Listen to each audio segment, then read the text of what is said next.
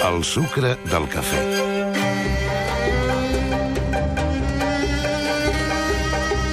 Les autoritats educatives estan molt preocupades pel baix nivell d'ortografia dels alumnes catalans que acaben l'ESO i per això han preparat un pla de xoc que els ha de permetre acabar la secundària escrivint correctament.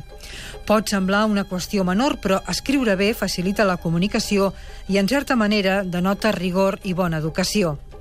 Diuen que les noves tecnologies són en part responsables que els nois i les noies no escriguin amb la correcció necessària. Ara tenim àmbits d'escriptura amb un nivell de formalitat baix on l'espontaneïtat i l'expressivitat passen per damunt de la correcció. I aquest problema és comú a les llengües que en són veïnes, el castellà, el francès o l'anglès mateix.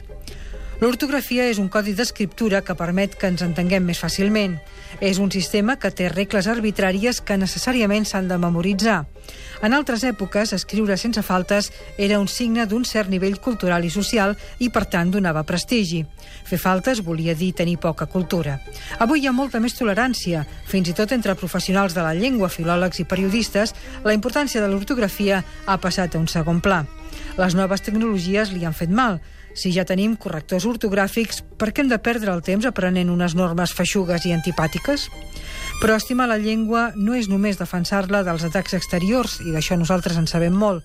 No és només tenir una actitud combatent i fer-la servir tothora. Estimar una llengua també és conèixer-la i escriure-la amb pulcritud i correcció.